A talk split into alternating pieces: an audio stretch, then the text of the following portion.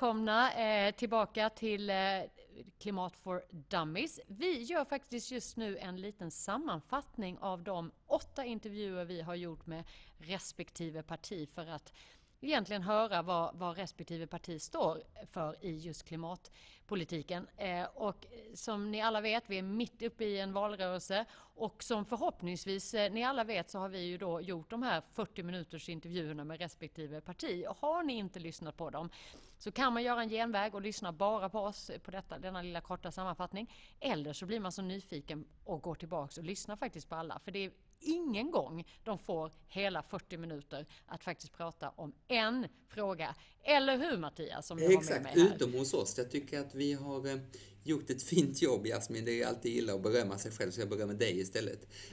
Men jag vet, alltså du har rätt att Ekot körde en klimatutfrågning på 40 minuter men då var alla åtta partierna med och delade på de 40 minuterna. Och eh, vi har kört 40-45 minuter per parti så det är nog den mest djuplodande klimatgenomgången som finns inför det här valet tror jag. Och det som är så intressant, jag eh, modererade en panel här precis med alla åtta eh, partier i en annan mm. fråga. Det handlar mer om, om kommunernas eh, framtid och så vidare.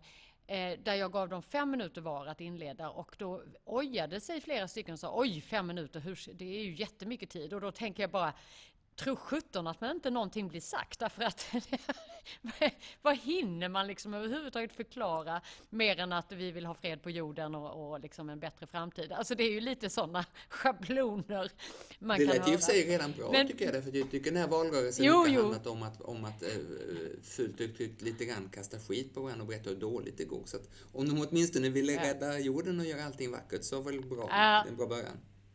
Ja men eller hur, och, eh, och det var en av mina instruktioner. Jag vill inte höra pajk, eller jag vill inte ha pajkastning, jag vill inte titta bak för då går jag in och, och styr.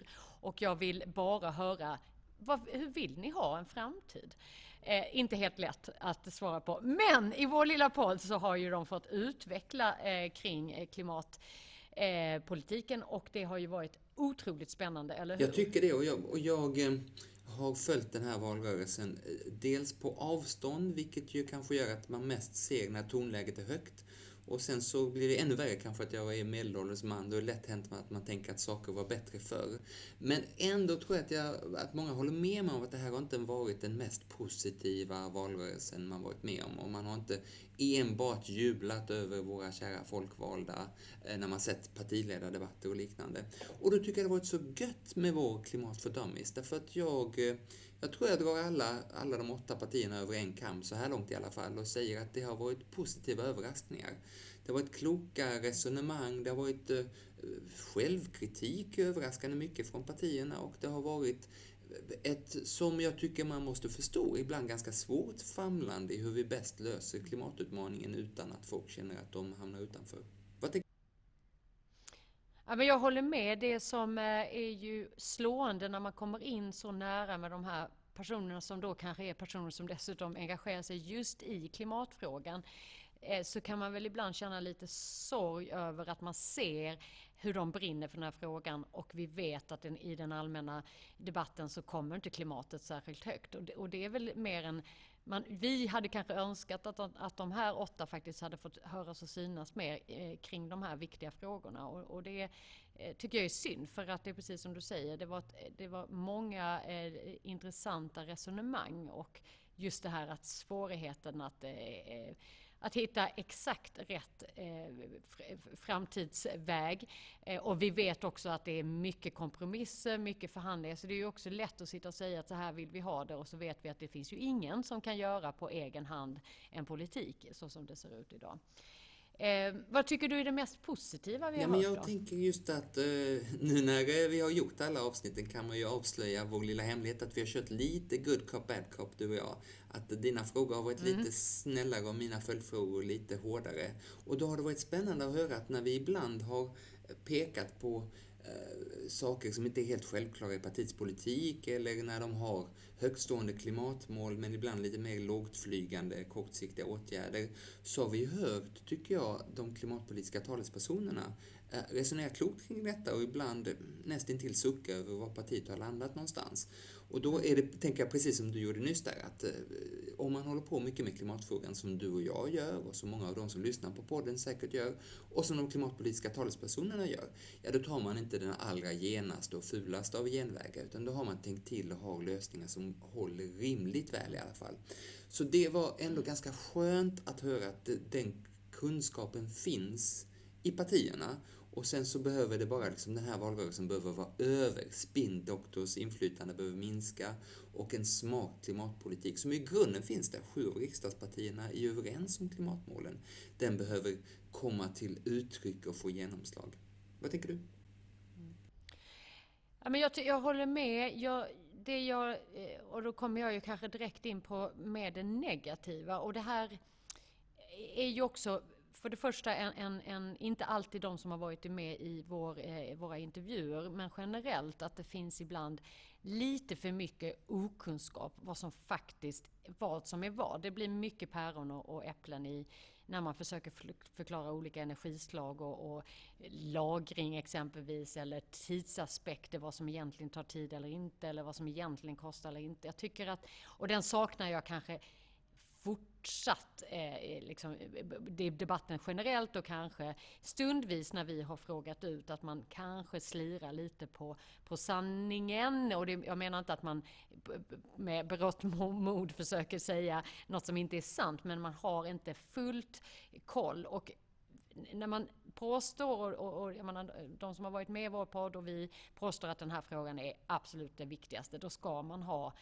koll och också kunna liksom hitta argument för och emot olika sätt att, att resonera och bestämma. Så det är väl liksom den generella, eh, mindre positiva och utan att, Jag håller med dig där, utan att peka ut något enskilt parti så kan man säga att några partier tror jag överdriver hur lätt och snabbt det är att få nya kärnkraftsreaktorer på plats.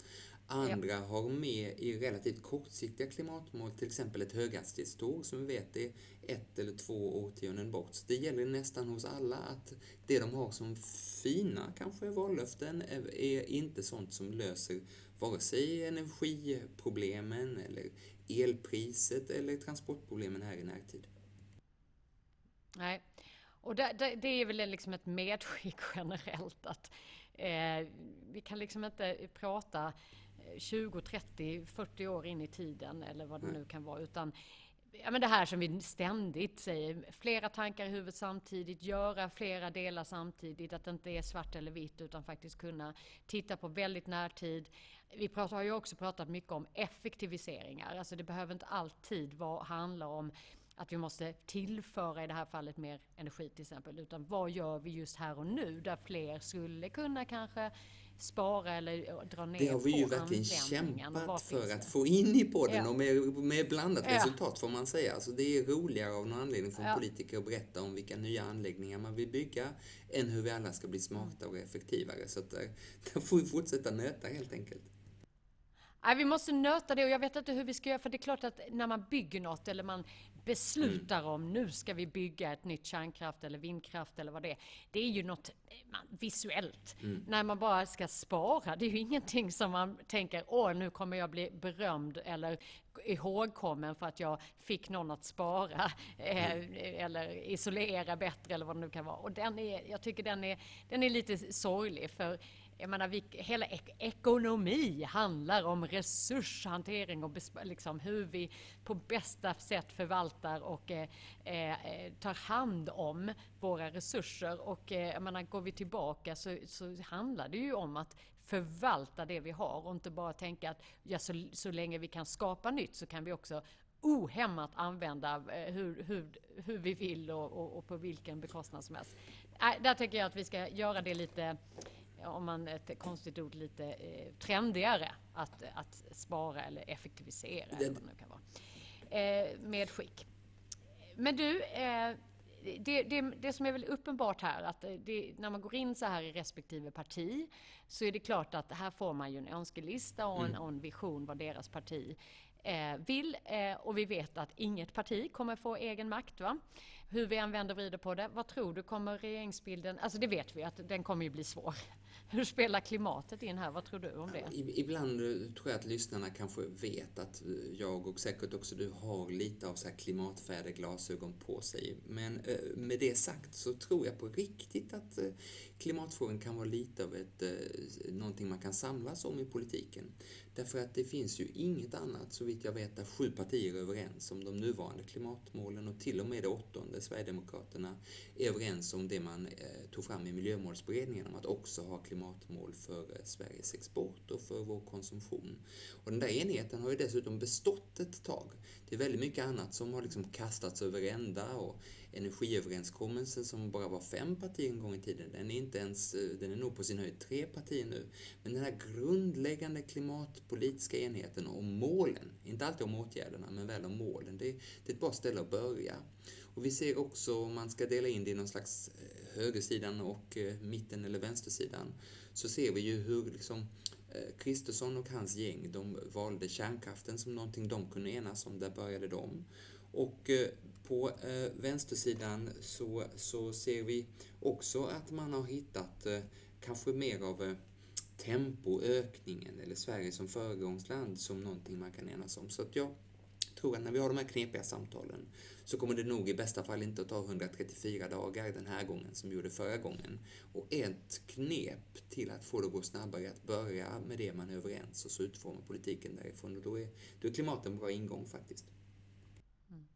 Och där menar du att man kan liksom hitta den här enheten över gränserna, blockgränserna om man nu ska kalla det här för block? Ja, dels inom blocken men dels också över block. Du har rätt, är det verkligen blockgräns detta nu för tiden? Men, men över de olika konstellationerna kan man hitta mycket att bygga vidare på. Vi har också, när man tänker igenom vad sades av alla i podden, så fanns det ju några grejer som verkligen i princip typ alla pratade om. Det var saker som att vi behöver mer el, man är inte överens om hur, man är överens om att. Man pratar om att vi ska korta tillståndsprocesserna så att det går snabbare att få till den eh, nya elen. Man pratar också på lite olika sätt. Man pratar om att vi ska vara mindre beroende av vår omvärld och göra mer själva av till exempel både el och eh, drivmedel för våra fordon. Så rätt mycket, trots eh, höga tongångar i politiken, rätt mycket kan man ändå liksom ha på en lista, det här tycker ni tillsammans. Egentligen uppmanar jag alla våra mm. politiker att lyssna på varandra i den här podden, därför att det är ju, på de mm. vanliga debatterna är det mycket fokus på vem var mest övertygande och vem tvålade bäst till den andra. Men det hjälper oss ju inte att komma framåt och hitta enighet, utan det som hjälper är att sätta sig ner och lyssna på vår podd i klimatfrågan och kanske andra motsvarande poddar i andra frågor och se vad är det egentligen de säger som är ungefär vad vi också säger. Jag tycker det är bara intressant just tillståndsfrågan som känns som en relativt enkel eh, sak att lösa och detta är ju inte kanske bara tillstånd för eh, om det är vindkraft eller kärnkraft eller vad det nu kan vara. Batterifabriker, allt möjligt. Eh, att den, Ja, och det är en byråkrati kring det och vi vet att näringslivsaktörer och andra är liksom frustrerade.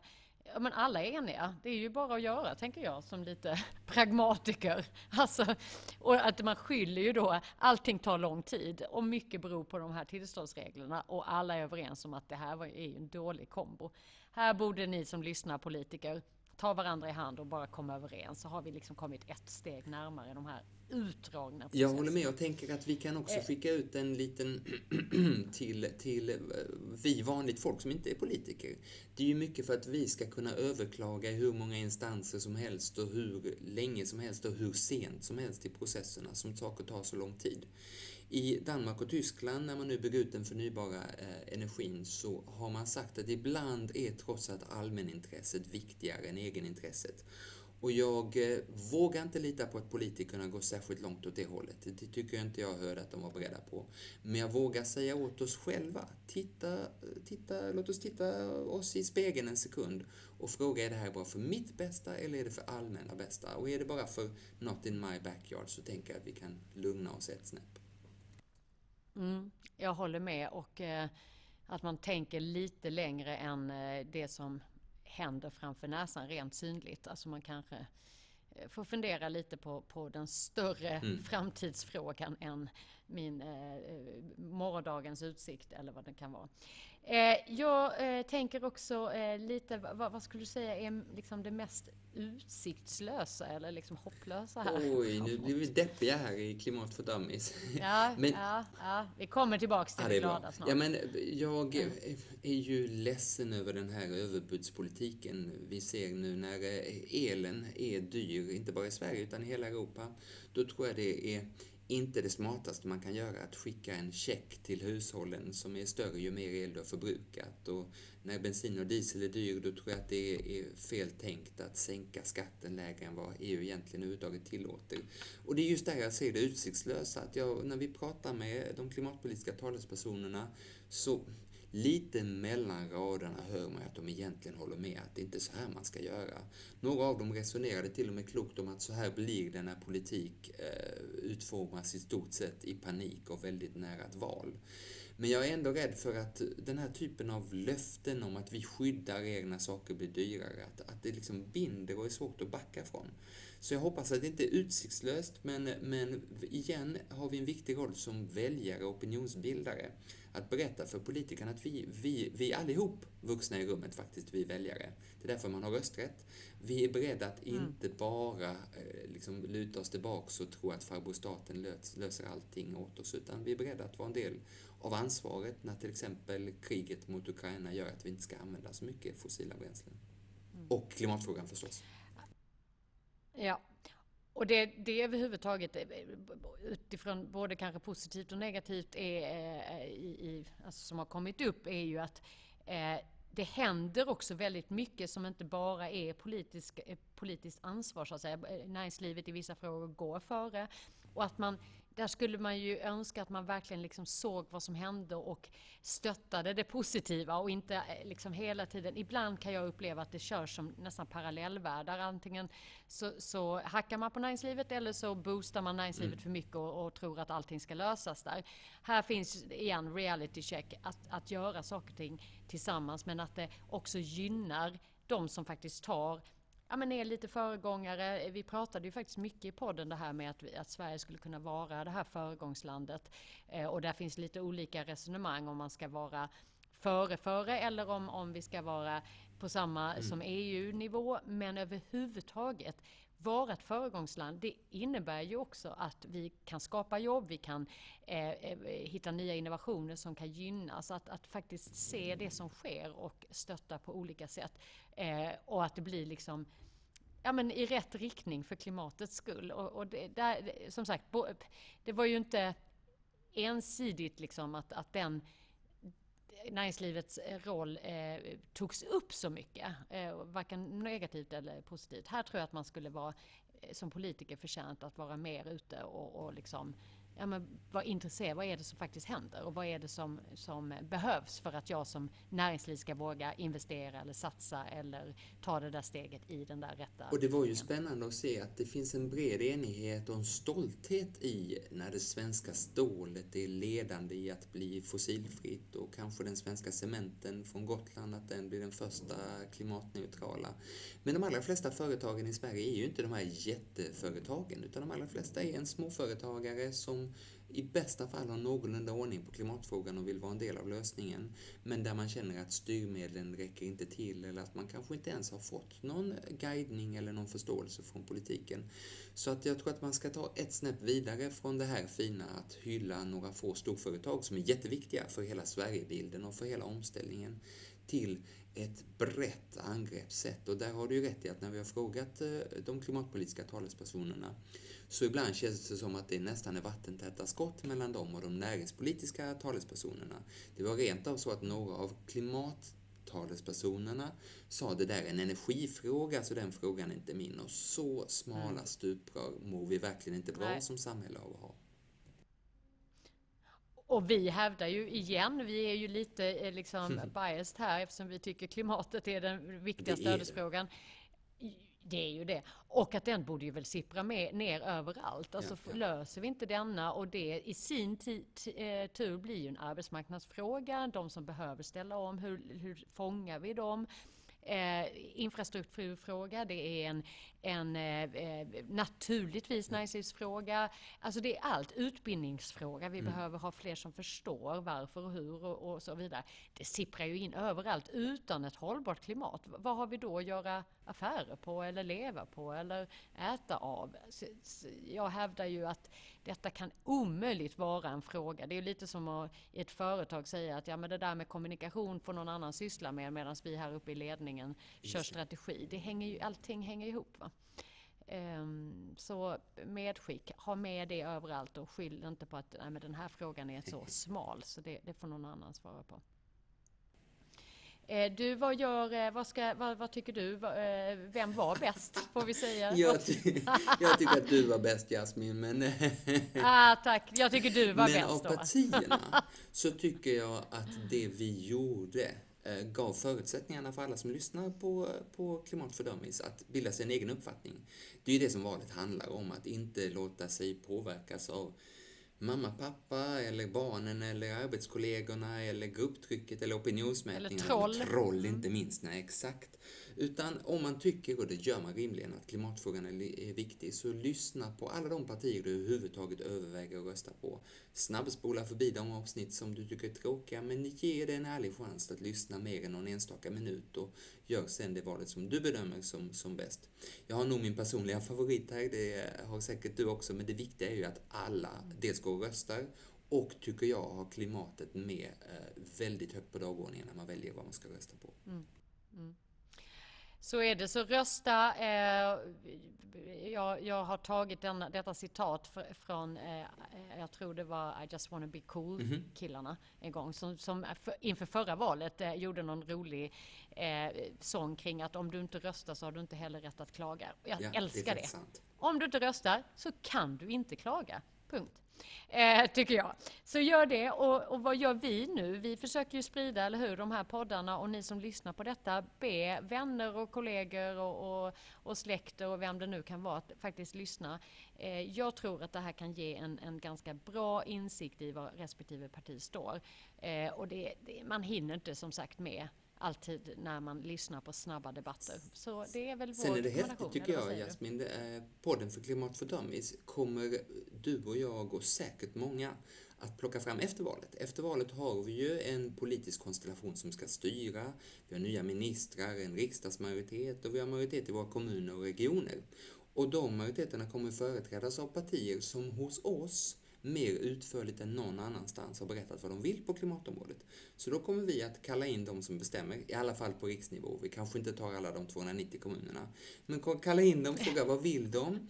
Och eh, eh kanske eh, med glimten i ögat men också med en ganska barsk ton ibland säga ni sa ju så här på Klimat för Dummies, vad händer med det nu?